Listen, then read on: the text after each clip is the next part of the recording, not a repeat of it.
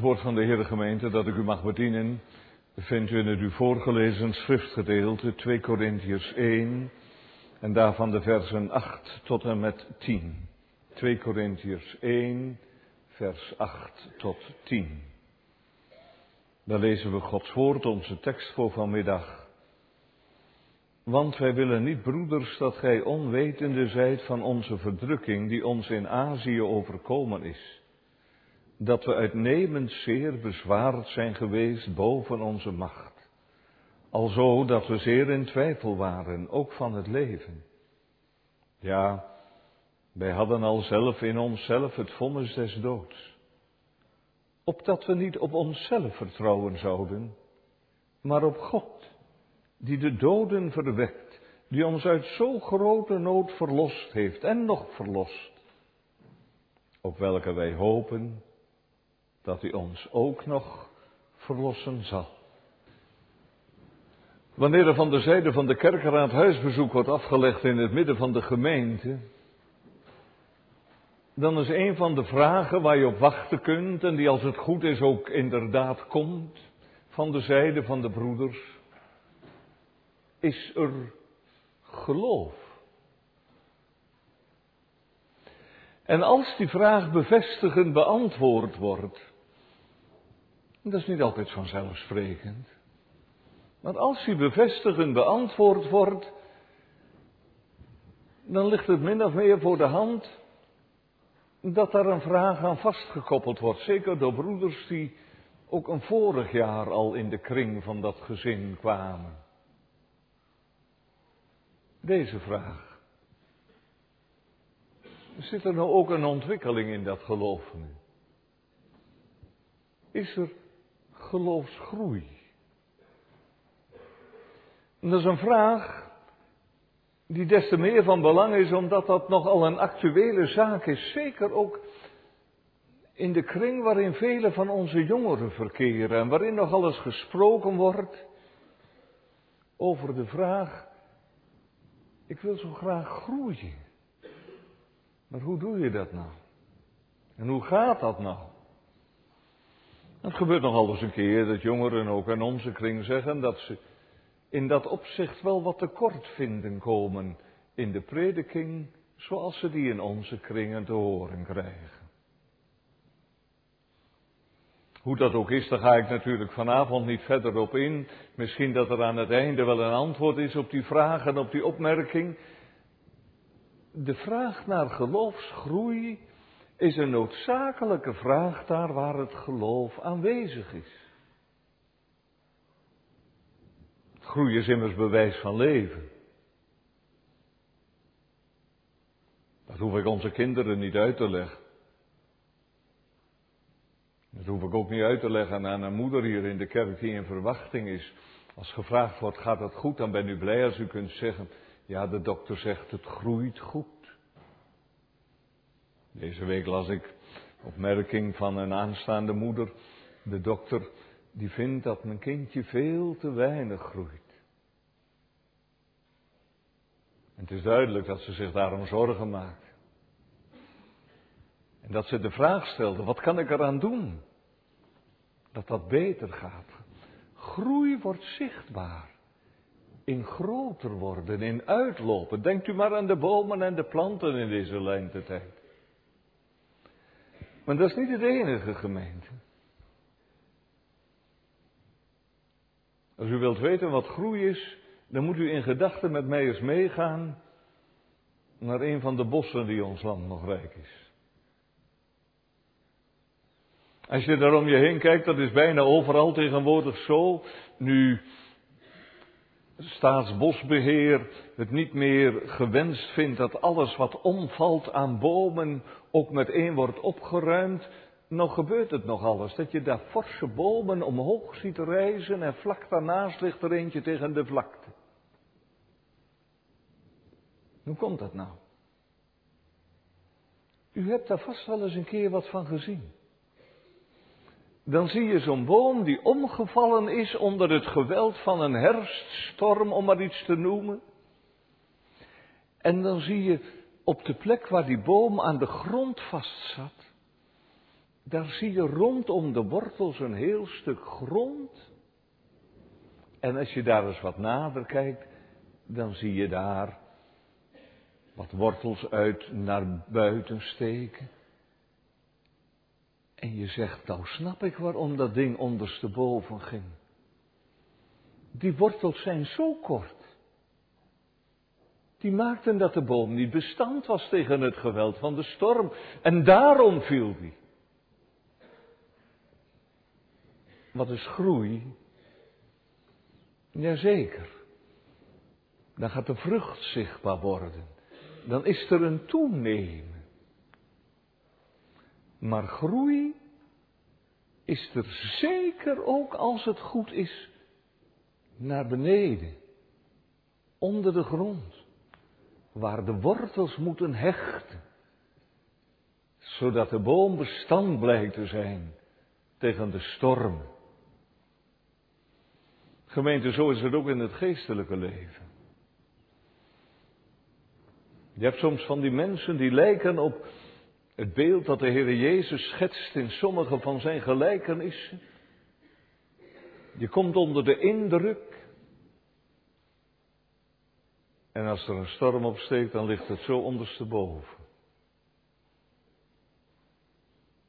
Groei moet naar de diepte, zowel als naar de hoogte.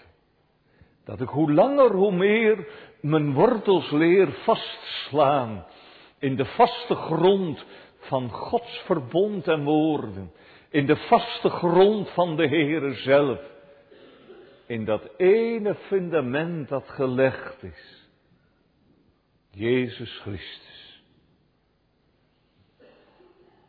Als het gaat om de vraag naar geloofsgroei, misschien hebben de broeders het u en jou wel gevraagd in de afgelopen winter, dan gaat het ten diepste om de vraag, als de stormen van het leven opsteken. Als de oordeelstorm gaat waaien over je leven. Kun je dan staande blijven? Of val je? En je val is dan groot. Apostel Paulus had dat ook nodig. Die groei in het geloof. En daarvan spreekt hij in onze tekst. Waarin we samen horen op deze zondag na Pasen. Er zijn duidelijke verwijzingen naar het evangelie van Pasen, zoals we samen wel zullen ontdekken. De Heere oefent Paulus in geloofsvertrouwen. Er zijn drie gedachten. Ten eerste, hij beproeft in het heden wat hij, en dat is het tweede, gaf in het verleden. En hij doet dat met het oog op de toekomst. En dat is dan het derde. De Heere beproeft, de Heere oefent Paulus in geloofsvertrouwen. Hij beproeft in het heden wat hij gaf in het verleden met het oog op de toekomst. De tweede brief van de apostel Paulus aan de gemeente van Korinthe is een hele emotionele brief. En u weet dat misschien wel. Emotionele brieven schrijf je niet in, naar een zakenrelatie als het gewoon over zakelijke kwesties gaat. En zo is het hier ook het geval. Paulus is op een bijzondere manier verbonden aan die gemeente van Korinthe. Hij is er de geestelijke vader van geweest. En dat heeft hem intens verwonderd dat in die gemeente van Korinthe er zo'n grote schare bijeenkwam tenslotte rondom het woord van God, één in het geloof in de gekruisigde Christus. Afhankelijk had Paulus daar helemaal niet veel fiducie in gehad. Toen hij in die stad kwam en hij zag al die mensen die keihard werkten in die havenstad midden in de Middellandse Zee. Mensen die erop uit waren om geld te verdienen, om carrière te maken, om te genieten. En hij zag daar al die vormen van vermaak en amusement waarmee die stad vol was. Rosse buurten daar langs de haven. Paulus had er een keer niet van kunnen slapen en de Heere had toen hij eindelijk in slaap was gevallen, in een droom hem verzekerd, ik heb veel volk in deze stad en daarom predik het evangelie. Prachtig zoals dat daar staat, gemeente. Prachtige omschrijving van wat uitverkiezing is. De Heer zegt, ik heb veel volk, maar hij zegt niet, er woont er eentje in de Havenstraat nummer drie en er woont er eentje in de achterbuurt nummer twee. De Heer zegt, Paulus spreken. De volle raad Gods, het evangelie van, van de gekruisigde Christus. En dan zullen ze komen en ze kwamen. Ze kwamen. Uit de synagoge, overste. Mannen aan wie je het kon zien dat die uit de orthodoxie kwamen. Dat kon je van hun hele kleding aflezen. Mensen die allerlei regels en geboden erop na hadden gehouden in de gedachte dat ze daarmee de Heer konden behagen. En ze zaten op één rij. Met meisjes uit de bordelen. En met jongens uit de homobar. En met leden van de maffiabende. En al dat soort lieden dat je in, in, in Korinthe ook maar al te veel tegenkwam. Eén grote gemeente werd het. Vergaderd rondom het evangelie van de gekruisigde Christus. Nou, u snapt wel, dat geeft een hele bijzondere band. Als het zo in een gemeente gaat en als je zo een gemeente ziet groeien en je ziet ze komen. Mensen waar je mee bezig bent geweest, mensen voor wie je een instrument bent geweest, slijk aan Gods heilige vingers om de ogen van de blinden te openen. En toen Paulus weg was gegaan, toen had hij al gauw te horen gekregen aan de andere kant van de Egeïsche Zee, waar hij toen zijn werkterrein vond in Klein-Azië, het huidige Turkije, dat het in de gemeente helemaal niet goed ging. Er waren zonden in de gemeente waar zelfs de wereld schande over sprak. Er kwamen partijschappen waardoor de een zei ik ben voor die en de ander zei ik ben van die. Er kwamen hele vreemde dwaalleraren die hele vreemde leringen verkondigden en die die beginnende christenen daar in Korinthe in de war brachten. En het ergste was voor Paulus niet dat ze zoveel kwaad van Paulus spraken, want daar kan een mens nog een keer zijn schouders over ophalen, daar kan hij verdriet over hebben. Dan zegt hij, ach, ze hebben de meester zoveel kwaad aan gedaan, dat... Maar het ergste was dat er in de gemeente van Korinthe het evangelie op de achtergrond dreigde te komen. Dat ze de Heer Jezus dreigden kwijt te raken. En nadat Paulus een brief geschreven had, waarin hij een aantal correcties had toegepast op de dwaalleer die er was, denkt u maar aan zijn schrijven over het avondmaal en zijn schrijven over de opstanding van Christus. We hebben daar 1 Korinthe 15 aan te danken, het opstandingsevangelie van Paulus toen heeft Paulus daarna, toen hij merkte dat het allemaal niet hielp en dat het van kwaad tot erger ging, nog een brief geschreven die we niet hebben in de Bijbel, maar waarvan we wel zoveel weten dat we die denk ik op goede gronden aanduiden als de tranenbrief van Paulus. En u ziet dat wel voor u, die apostel, die niet zo makkelijk schreef, waarom dan ook, maar die zat te schrijven en ondertussen drupte er een traan die over zijn wang liep op dat papier waarop hij zijn brief schreef. Een tranenbrief. Dat moet zichtbaar zijn geweest tussen daar in Korinthe die de brief ontving. En dat heeft wel effect gehad. Paulus die schrijft in deze brief. Ze zijn in Korinthe bedroefd geworden. Hij zegt, en dat vind ik ook niet zo erg dat jullie dat zijn. Als er maar een droefheid naar God is die een onberouwelijke bekering tot zaligheid werkt. Maar Paulus heeft er wel reden in gevonden om daar een brief achteraan te sturen, die wij dan hebben als de tweede Korinthebrief, en die we wel eens een troostbrief noemen. Niet omdat Paulus vanuit zichzelf de mensen zo goed vertroosten kon, want Paulus die wist ook maar al te goed dat mensen slechte vertroosters zijn. Maar Paulus schrijft als dienstknecht van God vanuit God. Zo begint hij dan ook. Meteen na het adres en de afzender spreekt Paulus van de God en Vader van de Heer Jezus Christus, de Vader van alle barmhartigheden en de God van alle vertroosting. De Heere troost. En om te voorkomen dat de mensen zouden denken, die Paulus die heeft maar gemakkelijk praten. Want die Paulus die zit niet midden in de nadigheid waar wij in zitten laat Paulus in de brief meer dan eens zien hoe de Heere zijn volk vertroost.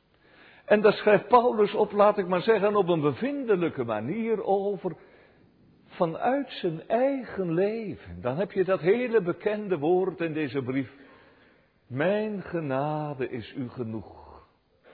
Dat woord dat al zoveel mensen vertroost heeft. Dus momenteel man die ligt op zijn sterrenbed en die weet dat hij niet lang meer te leven heeft. Hij heeft mij gevraagd of ik hem wil begraven als het zover is. En toen ik vroeg naar een tekst, toen zei hij, ik heb er de Heer om gebeden, ik heb er lang over gedacht. Maar ik mag het met Paulus zeggen, mijn genade is u genoeg. Ik heb genoeg aan die genade van God in leven en in sterven. En er zitten er hier ongetwijfeld in de kerk die die woorden ook wel eens als bijzonder vertroostend en bemoedigend hebben ervaren. En die staan in deze brief. Waarin de apostel laat zien, kijk, zo vertroost God nou.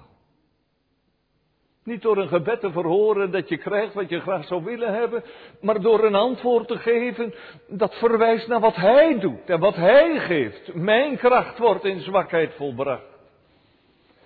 En Paulus die laat er zien hoe God soms vertroost door middel van mensen die hij stuurt. Als hij schrijft, God die de nederigen troost, heeft ons vertroost door de komst van Titus. Wat was het een bemoediging toen die Titus kwam om te vertellen dat het in de gemeente van Korinthe toch weer een stuk beter ging. En misschien hebt u dat ook wel eens meegemaakt. Juist op dat moment dat het zo donker was en dat het zo moeilijk was dat de bel ging en dat er iemand binnen kwam stappen. Iemand die als een troostbode van de Heere kwam.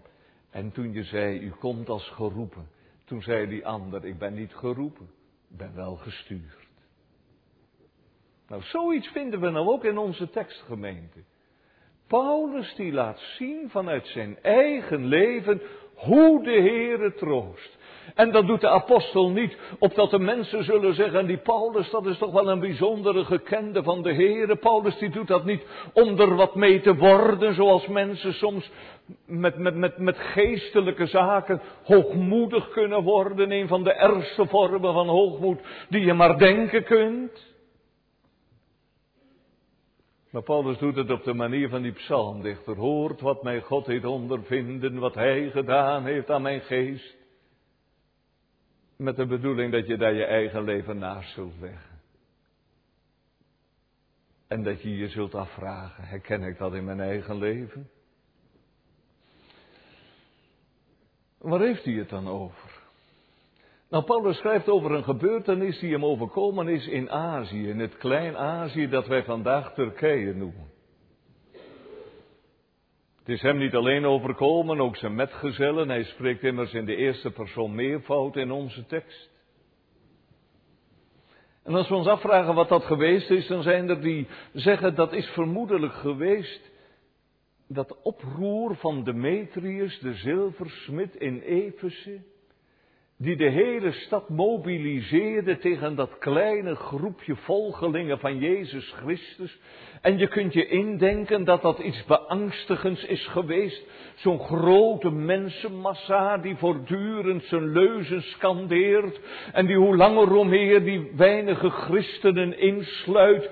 Dat je het gevoel hebt, er hoeft maar ergens een vlam in de pan te slaan. En de mensen worden gelinst door een groep massa, door een massa die tot wilde beesten is geworden? Was het dat?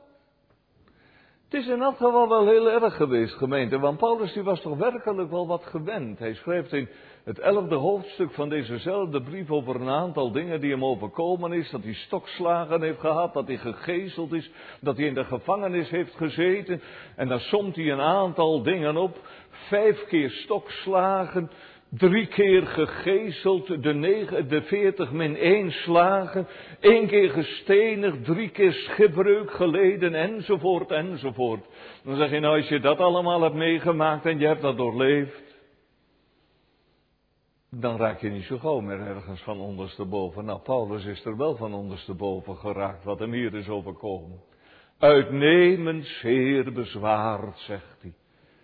Boven onze macht zeer in twijfel over ons leven. In onszelf het doodvonnis. Je merkt dat Paulus emotioneel wordt als hij aan die tijd terugdenkt. dat er nog iets van de huiver doorklinkt in zijn woorden. Van de ontzetting die hem bevangen heeft toen. Wat Paulus heeft meegemaakt, wat dat dan ook geweest is, gemeente. Wij noemen dat vandaag een traumatische ervaring, waarvoor je slachtofferhulp moet hebben om, om daar niet wat van over te houden. En soms dan blijft er nog een syndroom van achter. Iets waarvan je elke keer weer nachtmerries krijgt. Zodat je badend in je zweet vol angst wakker wordt. Paulus zegt, wij hadden het doodvonnis al in onze handen. En dat is wat. Ik heb iemand gekend die weet wat dat is, die in de oorlogstijd in het Oranje Hotel in Scheveningen in de dodencel een aantal jaren, een aantal dagen heeft gezeten. Die tegen me zei, dat ga je nooit aan iemand vertellen wat je dan doormaakt. Dat besef straks gaat die deur open en dan sta ik voor het executiepeloton. Hij heeft het na kunnen vertellen op een wonderlijke manier door Gods almacht. Maar dat is wat Paulus hier beschrijft, het doodvonnis. De situatie van een gevangene in een dodencel. Die te horen heeft gekregen, je zult geëxecuteerd worden en die weet, straks gaat de deur open. En dan is er die kogel die een einde maakt aan mijn leven, of dan is er die strop.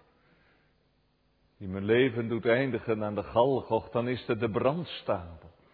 Wat dan ook. Vonnis des doods. Gemeente, misschien komt het wat dichterbij als je denkt aan een patiënt die op een ziekbed ligt. En net is de dokter geweest en die dokter zegt, het spijt me heel erg voor u, maar ik kan niks meer voor u doen. En de situatie waarin u verkeert is zo dat ik u moet zeggen, menselijk gesproken hebt u niet lang meer te leven. U gaat sterven. En dan gaat die dokter weg. En dan is er natuurlijk familie en die praat met je, leeft met je mee. Maar er komt een moment dat die ook weg moeten gaan en dan lig je daar alleen naar het plafond te, te staren. Doodvonnis. Nog een paar dagen. Nog een paar weken misschien. En dan Gemeente, u voelt wel aan dat een mens zich verschrikkelijk klein voelt op het moment dat hij het doodvonnis in handen krijgt. U zegt nog even. En dan sta ik voor het einde van mijn aardse leven en dan is het die dood waarin ik moet loslaten alles wat me aan het leven bindt, alles wat me lief en dierbaar is. Dan kom ik oog in oog te staan met de koning der verschrikking. Ik denk dat je het moet meegemaakt hebben om het aan te voelen wat dat betekent, gemeente. Dat je voor een muur staat. Wij hadden in onszelf het vonnis des doods. Ja, zegt iemand, dominee, u schildert dat nou wel op die manier, maar is Paulus niet een wat ander geval? Die grote Paulus, die geloofsheld. Die man die kon zingen in de gevangenis, Gods lof kon die zingen, terwijl hij met zijn voeten in het blok zat en terwijl hij gegezeld was in die funzige, diepe kel, kerker daar in Filippi. Die man die kan zeggen dat er niets is dat hem kan scheiden van de liefde van God die er is in Christus Jezus, onze Heere, die daarvan verzekerd is die man die zegt, ik vermag alle dingen door Christus die mij krachtig heeft. Die het kan schrijven, ik verlang om ontbonden te worden en met Christus te wezen, want dat is zeer verre het beste. Die Paulus die hoort toch tot die zeldzame groep mensen, die als een doodvonnis krijgen. Dan hebben ze iets van wat die psalm zingt, het vrome volk in u verheugd zal huppelen van zielenvreugd daar zij hun wens verkrijgen. Een gemeente, die Paulus. Die Paulus is het bang te moeder geweest. Die Paulus schrijft woorden van angst. Die Paulus die worstelt met zijn twijfel, die worstelt met zijn manhoop, die is doodsbenauwd. Paulus is niet de enige geweest, gemeente. Ik denk aan David, de man Gods hart, als hij in de spelonk van Adullam zit en dat Psalm 142 zingt. Ik wou vluchten, maar ik kon nergens heen, zodat mijn dood voorhanden scheen. En alle hoop mij gans ontviel, daar niemand zorgde voor mijn ziel. Ik denk aan de dichter van Psalm 116. Banden des doods hadden mij omvangen, angsten der hel hadden mij getroffen. Ik vond benauwdheid en droefenis. Zo is het bij Paulus. De angst vliegt hem naar de keel, de droefheid spreekt uit zijn ogen, de twijfel knaagt aan zijn ziel. Zeer zware verdrukking. Het is denk ik goed gemeente dat we dat zien. De Heilige Geest laat het ons zien. Wij hebben zo vaak de neiging om te zeggen, als het gaat over die figuren in de Bijbel, ja maar Paulus, ja maar David, ja maar Abraham. Gemeente, die mensen waren mensen van gelijke beweging als wij. Die waren niet beter, die waren niet groter, die waren niet anders. Er is een aantal jaren geleden een boek verschenen over een aantal figuren uit, uit de wereld van de Puritijnen. Groten in het Koninkrijk der Hemelen, zoals we noemen. Prachtig boek, als u Engels kunt lezen, dan moet u dus lezen, gemeente. Maar het heeft een verkeerde titel. God's Giants heet het boek. Gods reuzen. Nou, de mannen die daarin beschreven worden, ze zouden stuk voor stuk geprotesteerd hebben en gezegd hebben, ik ben geen reus, ik ben maar gewoon een klein mensje. Supermensen bestaan er niet. Die kent de wereld soms. En die rollen nog zomaar om. Jij zegt u, maar dan zit ik toch met een andere vraag. Waarom gebeuren dit soort dingen nou? Waarom bespaart God dit zijn kinderen niet? Juist zijn kinderen, zijn volk. Waarom moeten Gods kinderen zo vaak door veel verdrukkingen heen het koninkrijk der hemelen binnengaan? Waarom zijn er zoveel mensen in alle eeuwen die met Asaf mee moeten zeggen? De goddeloze gaat het voor de wind en mijn bestraffing is er elke morgen. Waarom, waarom vult u het maar in, gemeente? Die vragen zijn er ongetwijfeld in uw midden. Gods woord geeft in onze tekst een antwoord. En dat antwoord is tegelijkertijd een antwoord op duizend vragen, gemeente. Niet dat dat antwoord meteen komt. Dat antwoord, gemeente, dat komt langzamerhand en dat ligt op. En dat biedt zicht op de God en Vader van de Heer Jezus Christus. Zoals hij in vers 3 getekend wordt. En u hoort daar de lofzang van de apostel in doorklinken. De Vader van alle barmhartigheden. De God van alle vertroosting. Waarom moest het zo? Paulus heeft het antwoord gekregen. Leest u het maar opdat wij niet op onszelf vertrouwen zouden, maar op God, die de doden opwekt. Paulus zegt, in die situatie was de Heer bezig mijn geloof te versterken. Was de Heer bezig mijn geloof te oefenen. Dan zegt de jongere hier in de kerk, maar moest dat dan? Paulus? Die Paulus heeft voor Damascus en in Damascus leren bidden. Die Paulus is gerechtvaardigd als een goddeloze. Die Paulus heeft in het geloof de Heer Jezus Christus mogen aanvaarden. Die heeft een streep leren halen door al zijn eigen gerechtigheid. En die heeft alles wat hij liep te zeulen en wat hij aan de Heer dacht aan te kunnen bieden. Heeft hij naar de vuilnisbelt moeten brengen. Alleen Christus hield hij over, hij heeft hem verkondigd, hem aangeprezen, zijn leven aan hem gewijd. Moeten er nog meer? Nog meer, ja gemeente. Levenslang moet een mens dat leren. Om hoe langer hoe meer af te zien van zichzelf. En hoe langer hoe meer te rusten in de Heere alleen. Om steeds meer in de Heere en in zijn werk en in het fundament dat Hij gelegd heeft, geworteld en gegrond te worden. Steeds meer. Het was geloofsgroei van Luther dat hij op de avond voordat hij stierf, op een klein stukje papier dat hij vond op de kamer waar hij slapen ging, schreef weer Sint Bettler. Dat is vest. Wij zijn bedelaars. Dat is vast. Steeds meer.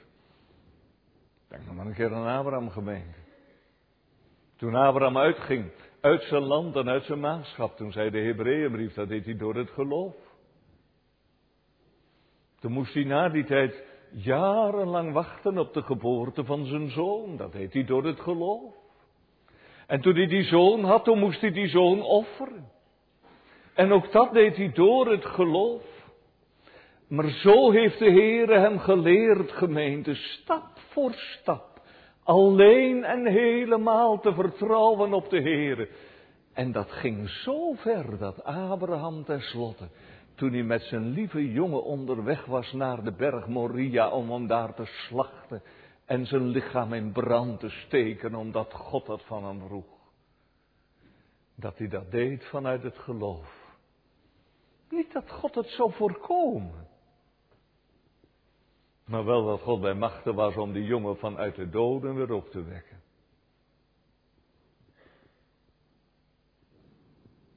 Daar heb je de groei van het geloof van Abraham. Wat er ook gebeurt. Hoe het ook gaat. Hij is de rotsteen van mijn hart en mijn deel in eeuwigheid. En wat hij beloofd heeft, dat zal bestaan. En daarom bestaat het niet dat het laatste zal zijn, dat mes van mij dat ik zal steken in mijn eigen zoon, omdat God mij vraagt hem te offeren. Hij is bij macht om hem zelfs uit de doden op te wekken. Maar zo gaat het met Paulus in onze tekstgemeente in dit verband.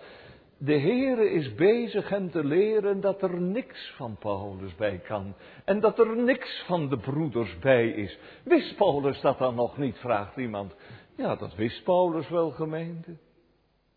En toch, hij wist het ook nog weer niet helemaal. Hij moest nog verder leren sterven aan zichzelf.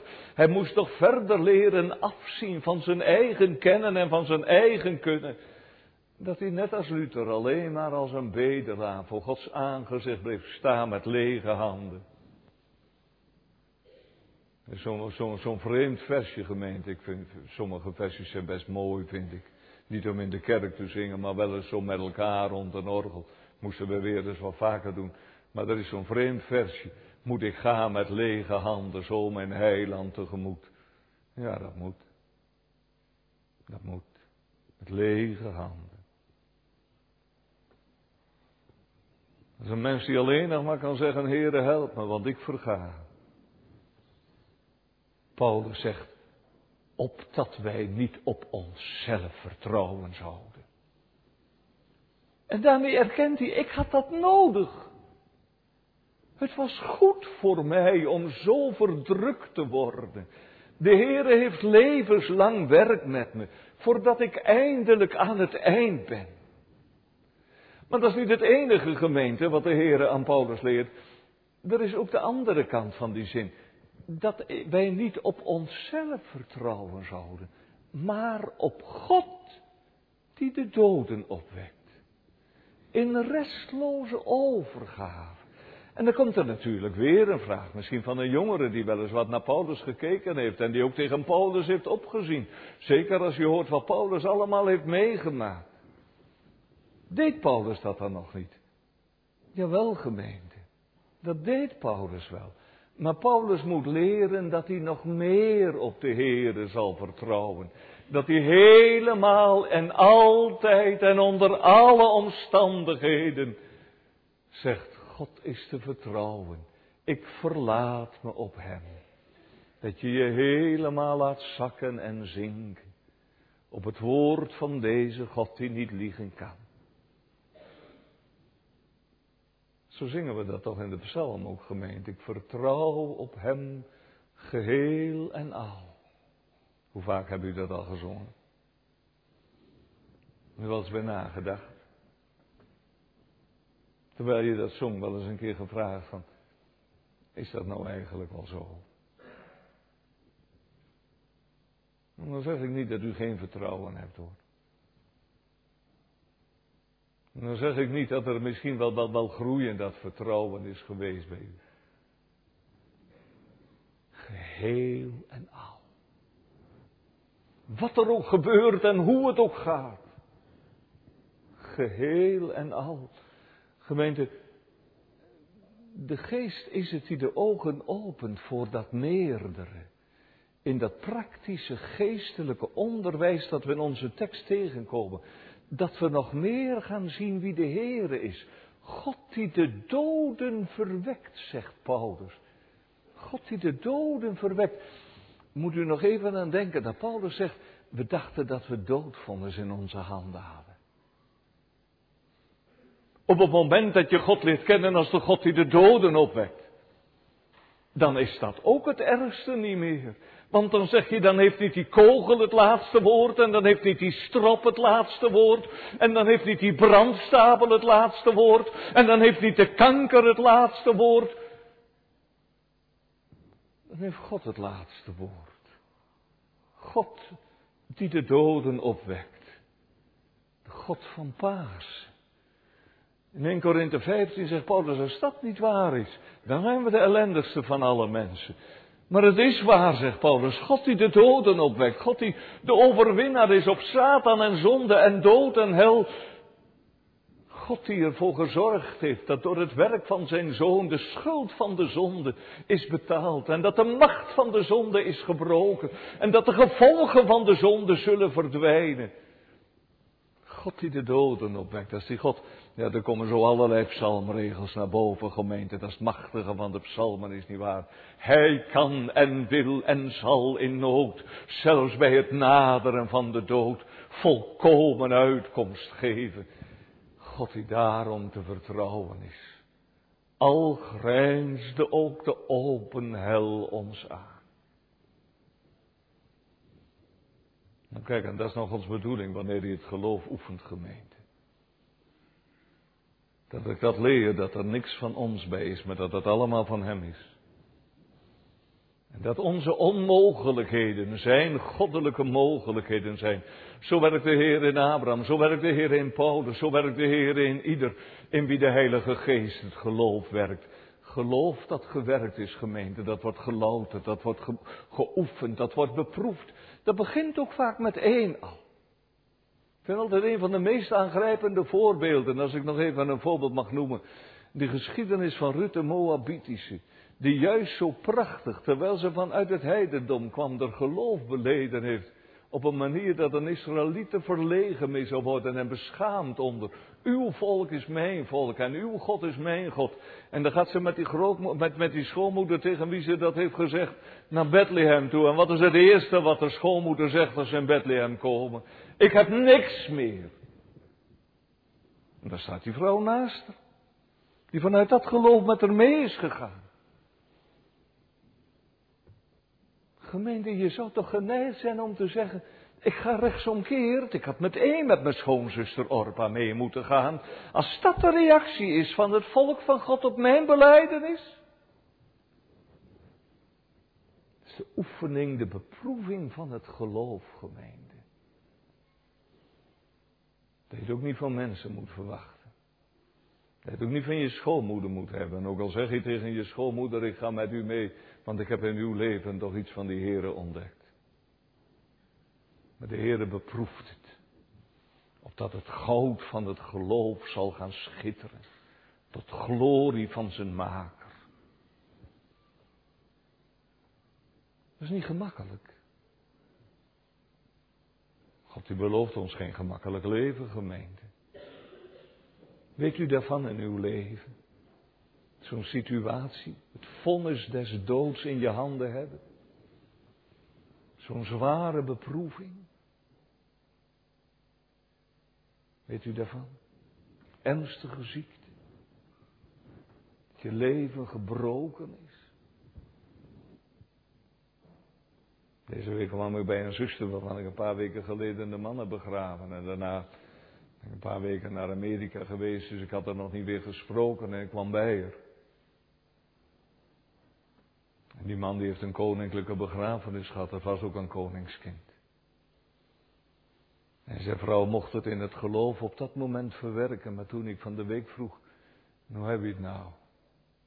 Het is dus zo donker. Heer heeft zijn aangezicht voor mij verborgen. Weet u daarvan, gemeente? Dat je vastloopt met Gods belofte zoals Abraham dat gedaan heeft in Genesis 15.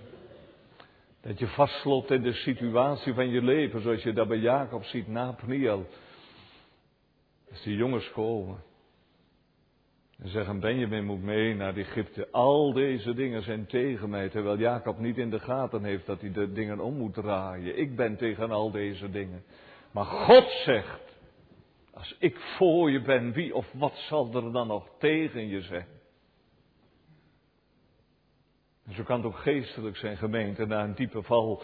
Denk aan Petrus die de Heere verlogend heeft en de Satan die hem daarmee voor de voeten heeft gelopen. Denk je nou werkelijk nog dat jij nog genade krijgt? Je hebt de dood verdiend. Zware aanvechtingen, die zijn er geweest, gemeente, zoals David dat heeft meegemaakt na zijn val in de zonde. Weet u daarvan? Maar weet u er ook van dat u toen in die situatie terug bent geworpen op de Heere zelf? Daar zou ik u ook een voorbeeld van kunnen geven. Een betrekkelijk jonge vrouw die een onverwachte man op zee verloren had. En die na die tijd alweer een hele rij begrafenissen heeft gehad in de familiekring. Toen deze week bij de kwam. Toen zei ze, dominee, ik heb ontdekt dat je er zoveel rijker van wordt, omdat God erin meekomt.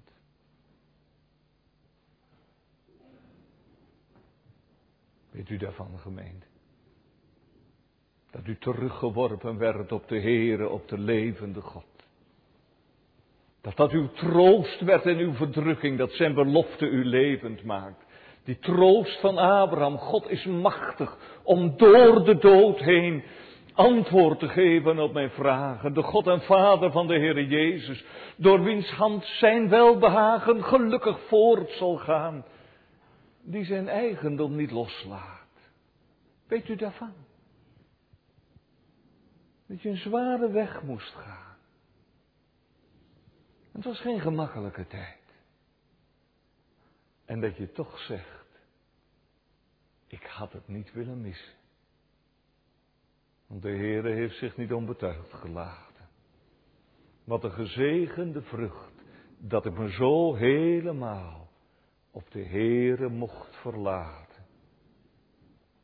Ik heb het geleerd, weer een beetje meer geleerd, te beleiden, ik weet in wie ik geloofd heb. En ik ben verzekerd dat Hij bij machten is, mijn pand bij Hem weggelegd, te bewaren tot die dag. Gemeente, nou is een hele eerlijke vraag. Ontbreken deze dingen niet al te veel in het midden van de gemeente? En dat terwijl we misschien toch wel genade leren kennen. Is dat geloof, als het er al is, niet vaak veel te vlak gemeente? En is er te weinig oefening? Waardoor jonge mensen er ook niet jaloers op worden en mensen van buiten de kerk zeggen, ach, wat is het nou anders dan dat het bij ons is? Want daar moet u goed op letten, gemeente. Het gaat hier om de versterking van wat de Heer zelf heeft gewerkt. Want dit, gemeente, is het werk van God in het leven van een gelovige. Voor wie de Heer geen vreemde meer is. Paulus die herinnert daar ook aan. Hij zegt in dit woord, die ons uit zo grote dood verlost heeft. En het is duidelijk, gemeente, uit het verband dat de manier waarop Paulus daarover spreekt, ons laat zien dat hij het heeft over dat dood zijn in de zonden en in de misdaden. Paulus zegt, daar ben ik van verlost. En er zijn woorden die herinneren aan Gods reddende barmhartigheid, zoals we daarover lezen in zijn brieven. Mij, de grootste der zondaren, mij is barmhartigheid geschied. Want God die rijk is in barmhartigheid, heeft door zijn grote liefde, waarmee hij ons heeft liefgehad, ook toen wij dood waren in de misdaden en de overtredingen, levend gemaakt met hem, uit genade zijt gezalig geworden. Dat is gebeurd, zegt Paulus. En als de Heer zo met Paulus bezig is, gemeente, dan gaat een boek vol herinneringen open. Een boek waarin een hoofdstuk gewijd is aan de gebeurtenissen in Damascus. Dat grote wonder in zijn leven, de levendmaking van een dode zondaar. Toen hij ontdekt werd aan zijn eigen doodstaat, hij de fariseer die zo prat ging op zijn eigen gerechtigheid. Toen hij ontdekt werd aan het leven dat er was in Christus, terwijl hij die naam haatte en die naam probeerde uit te roeien. Paulus die is niet uitgeschreven geraakt als het gaat over dat boek van zijn eigen leven. Dat boek dat zegt uit genade zijt gezalig geworden. Is er in ons leven zo'n boek gemeente? Zo'n boek waarin je soms terugbladert. Juist ook in die moeilijke tijden in je leven, in die donkere momenten waarin de Heilige Geest je als het ware terugleidt, zodat je zegt, ik zal gedenken hoe voor deze ons de Heere heeft gunst bewezen. Dat je daarna terugkijkt, hoe de Heere in je leven kwam. En hij zegt, Heere, dat is toch zo. Geen leed zal het ooit uit mijn geheugen wissen. Dat levensboek van uw gemeente staan deze woorden daar ook in. Uit zo grote dood verlost. Staat er wat in van die ontdekking dat ik midden in de dood lig. Van dat roepen, zie hij bidt. Van dat wonder, hij ontfermt zich. Is dat er gemeente? Dat vertrouwen verankerd is in het werk en in het spreken van de levende God zelf. Niet alleen anderen, maar ook mij. Vergeving der zonden, eeuwige gerechtigheid en zaligheid, van God geschonken, uit louter genade, alleen om de verdiensten van Christus. Is die ontmoeting er met de Heere Jezus Christus. Dat vluchten tot Hem, dat je toevertrouwen aan Hem. Kijk uw levensboekers na. Er staat misschien langzamerhand van alles in. Blijde dingen, verdrietige dingen. Gemeente staat dit er ook in. Nee, zegt u? Nee? lieve mensen, wat is het dan een troosteloze boel bij u? Nou, misschien heb je geen last van verdrukking en misschien gaat het allemaal voor de wind en misschien heb je een mooi leven en misschien heb je geen last van de financiële crisis. Maar ik moet u vandaag wel wat overhandigen, gemeente. Ik moet u uw doodvonnis overhandigen. Dat hebt u nu in de handen. U loopt met de dood in de schoenen. U hebt geen leven. Het doodvonnis. En we hebben gelezen wat dat betekent in onze tekst. Het huiveringwekkende dat je bij Paulus tegenkomt. En dit is nog veel erger, gemeente, want hier gaat het over de eeuwige dood. Zitten er nou werkelijk jongeren en ouderen hier in de kerk vanavond die daarvoor kiezen? Dat doodvonnis. Hebben jullie wel eens over gedacht wanneer het uitgevoerd wordt? Dat dat ook best eens heel dichtbij kan zijn. En dat er dan niemand is die voor je om gratie zal vragen. Luister. Paulus zegt, ik wil niet dat gij onwetende zijt. En het is hem hier om te doen. U die God te verkondigen die de doden opwekt. Paulus die weet er alles van. Paulus die weet dat. Dat heeft hij zelf ervaren. De uren is gekomen dat de doden horen de stem van de levende God. En die hem horen, die zullen leven. Zo is met Paulus gegaan. Zo kan het vandaag nog. God wekt de doden op gemeente. En dat doet hij door de verkondiging van het evangelie. Door dat levendmakende werk van de Heilige Geest die overtuigt. In u is de dood, maar in Christus is het leven. Die je uitdrijft tot de Heere Jezus Christus. Die je leert bidden, gun leven aan mijn ziel. Gemeente, ik mag u vanavond die levende Heere verkondigen. Die Heere die recht heeft op onze dood, maar die lust heeft in ons leven. Die Heere die nog nooit een gratieverzoek van een doodschuldige heeft afgewezen. Ik mag u de Heere Jezus verkondigen, gemeente, die, het die de dood is ingegaan. Om zondaren uit de vrede kaken van de dood eens los te maken. Ik mag u verkondigen de geest die levend maakt. Ik mag u die woorden van Gods genade en van het leven in Christus laten horen. En die ze horen, die zullen leven. Maar kijk gemeente, dat betekent wel dat het een groot verschil maakt hoe u straks de kerk uitgaat. Of u met het doodvonnis in uw handen en met de dood in uw schoenen dit kerkgebouw straks verlaat, omdat u deze heren niet persoonlijk kent. Of dat u gaat als een verloste. Die het mag weten, ik zal niet sterven, maar leven en de daden des Heeren verkondigen. Gemeente, het maakt zo'n eeuwig verschil. Of de prediking een reuken des doods ten dode voor je is. Of een reuken des levens ten leven, zoals Paulus dat ergens anders zegt. Rust toch alstublieft niet voordat u weet dat in dat boek van u geschreven staat, mijn ziel, keer weder tot uw rust, want de Heere heeft aan u wel gedaan. Ik ben verlost. Kijk, en als Paulus zo vertroost wordt, gemeente, door die herinnering aan het verleden en door het onderwijs in het heden, dan heeft hij ook moed voor de toekomst op welke wij hopen dat hij ons ook nog verlossen zal.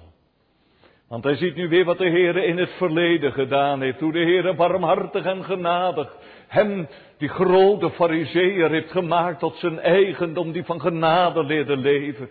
En heeft in het heden gezien hoezeer de Heer te vertrouwen is. En dat geeft hem uitzicht, gemeente. Hoe het zal gaan, dat weet hij allemaal niet. En wat er gebeuren zal, dat is Paulus onbekend. Maar hij weet in wie hij geloofd heeft. En hij weet, die God beschaamt niet. Die machtige triomfator over de dood. Die getrouwe Heere van zijn volk. Ook nog verlossen zal. Ik zeg het nog maar een keer gemeente. Er klinken allerlei oude en vertrouwde psalmen mee in, in deze tekst. Psalmen die zingen van de hoop op God. Psalmen die getuigen van de zekerheid. Als ik wandel in het midden der benauwdheid, maakt gij mij levend. Ik zeg nog maar een keer, het is niet altijd makkelijk. De christelijke hoopgemeente, dat is niet iets makkelijks. Dat is een telg van de verdrukking, heeft iemand dus een keer gezegd. Maar een mens die krijgt vanuit dit moeilijk leven zicht op die machtige toekomst. Uitzicht op de Heere, die het laatste woord heeft en die nooit laat omkomen. Die zegt, als je door het water gaat, ik zal bij je zijn. Als je door het vuur gaat, ik zal erbij zijn. God die zegt niet, je hoeft niet door het water. En God die zegt niet, je hoeft niet door het vuur. Maar als je er doorheen gaat, je verdrinkt niet en je verbrandt niet. Want ik ben erbij om je te verlossen. En dan ga je het zeggen, net zoals David dat zei in de strijd met Goliath. Toen zei Saul, toen hij die, dat jongetje daar zag staan. Met zijn herderstaf. En met als enige wapen de slinger. Jo, zou je dat nou wel doen? Als je die reus daar ziet. Met zijn geweldige bewapening. Het is toch net of je met blote handen tegen een tank het gaat opnemen. En toen zei David, koning, er kwam al eens een keer een leeuw op mijn schapen af. En er kwam al eens een keer een beer op mijn schapen af. Maar ik heb ze gedood in vertrouwen op de Heer. En die God is dezelfde. Wel gelukzalig is de mens die op Hem vertrouwt. Weet u daarvan? Kent u deze Heere Jezus Christus? Dan zie je niet op jezelf gemeente, want dan kan het niet. Maar dan zie je op deze God die de doden opwekt. En dan kan de wereld om ons heen wankelen, maar dan is de Heere krachtig bevonden en hulp in benauwdheden. Dan kan de Satan briesen, maar hij heeft het eens en voor goed verloren. En dan kan de zonde trekken, maar de Heere houdt vast. En dan kan het leven moeilijk worden, maar de Heere is nabij. En dan kan de dood wenken. Maar de dood heeft niet het laatste woord. Hij die Jezus uit de doden heeft opgewekt, zal ook onze onsterfelijke zielen opwekken op zijn dag. Ziet u met mij Paulus daar staan in onze tekstgemeente, zo'n klein mensje. Geen reus hoor. Zo'n klein, gewoon mensje. Midden in de storm. Er is niks menselijks en vreemd. En in die storm hij buigt. En hij beeft. Maar midden in die stormen is daar de Heere die eraan herinnert. Ik ben er toch. Ik, God die de doden opwekt. God van de menigvuldige verlossing. En dan gaat het hoofd omhoog. Dan kan een mens weer verder. Wat buigt ge u neder, o mijn ziel? En wat zijt ge onrustig in mij? Voed het oud vertrouwen weder. Zoek eens hoogsten lof uw lust want Gods goedheid zal uw druk doen veranderen in geluk. Hoop op Hem. Slaat oog naar boven. Ik zal God, mijn God, nog loven. Voelt u nou aan dat het op dat ene woordje aankomt? Mijn God. Amen.